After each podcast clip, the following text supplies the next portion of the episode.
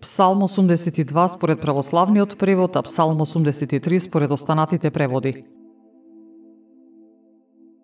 Не премолчувај, не оглушувај се и не мирувај Боже. Зашто ете, твоите непријатели вреват, а оние што те мразат кренаа глава. Против твојот народ зло наумија и се советуваат против твоите приврзаници. Рекоа, да одиме и да го истребиме меѓу народите, па да не се спомнува веќе името Израел. Се договори еднодушно, склучи е против тебе сојуз.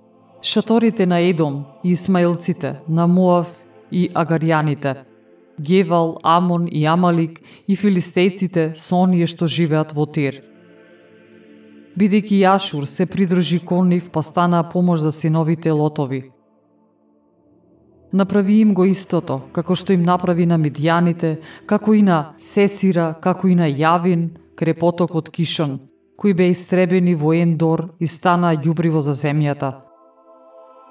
Постапи со нив со нивните кнезови, како Сореф и Зефи, со сите нивни кнезови, како со Зевеја и Салмана, бидејќи рекоа, тако присвоиме за себе светилиштето Божјо.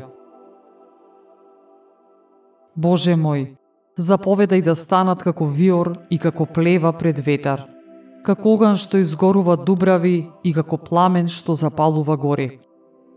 Така и ти, подгони ги со својот виор, застраши ги со својот гнев. Исполни ги лицата нивни со безчестие, па да го побараат името Твое Господи. Да се застрамат и да се збунат за секогаш, да се пострамат и да загинат и да познаат дека Ти си тој чие име е Господ и дека Ти си единствен севишен на целата земја.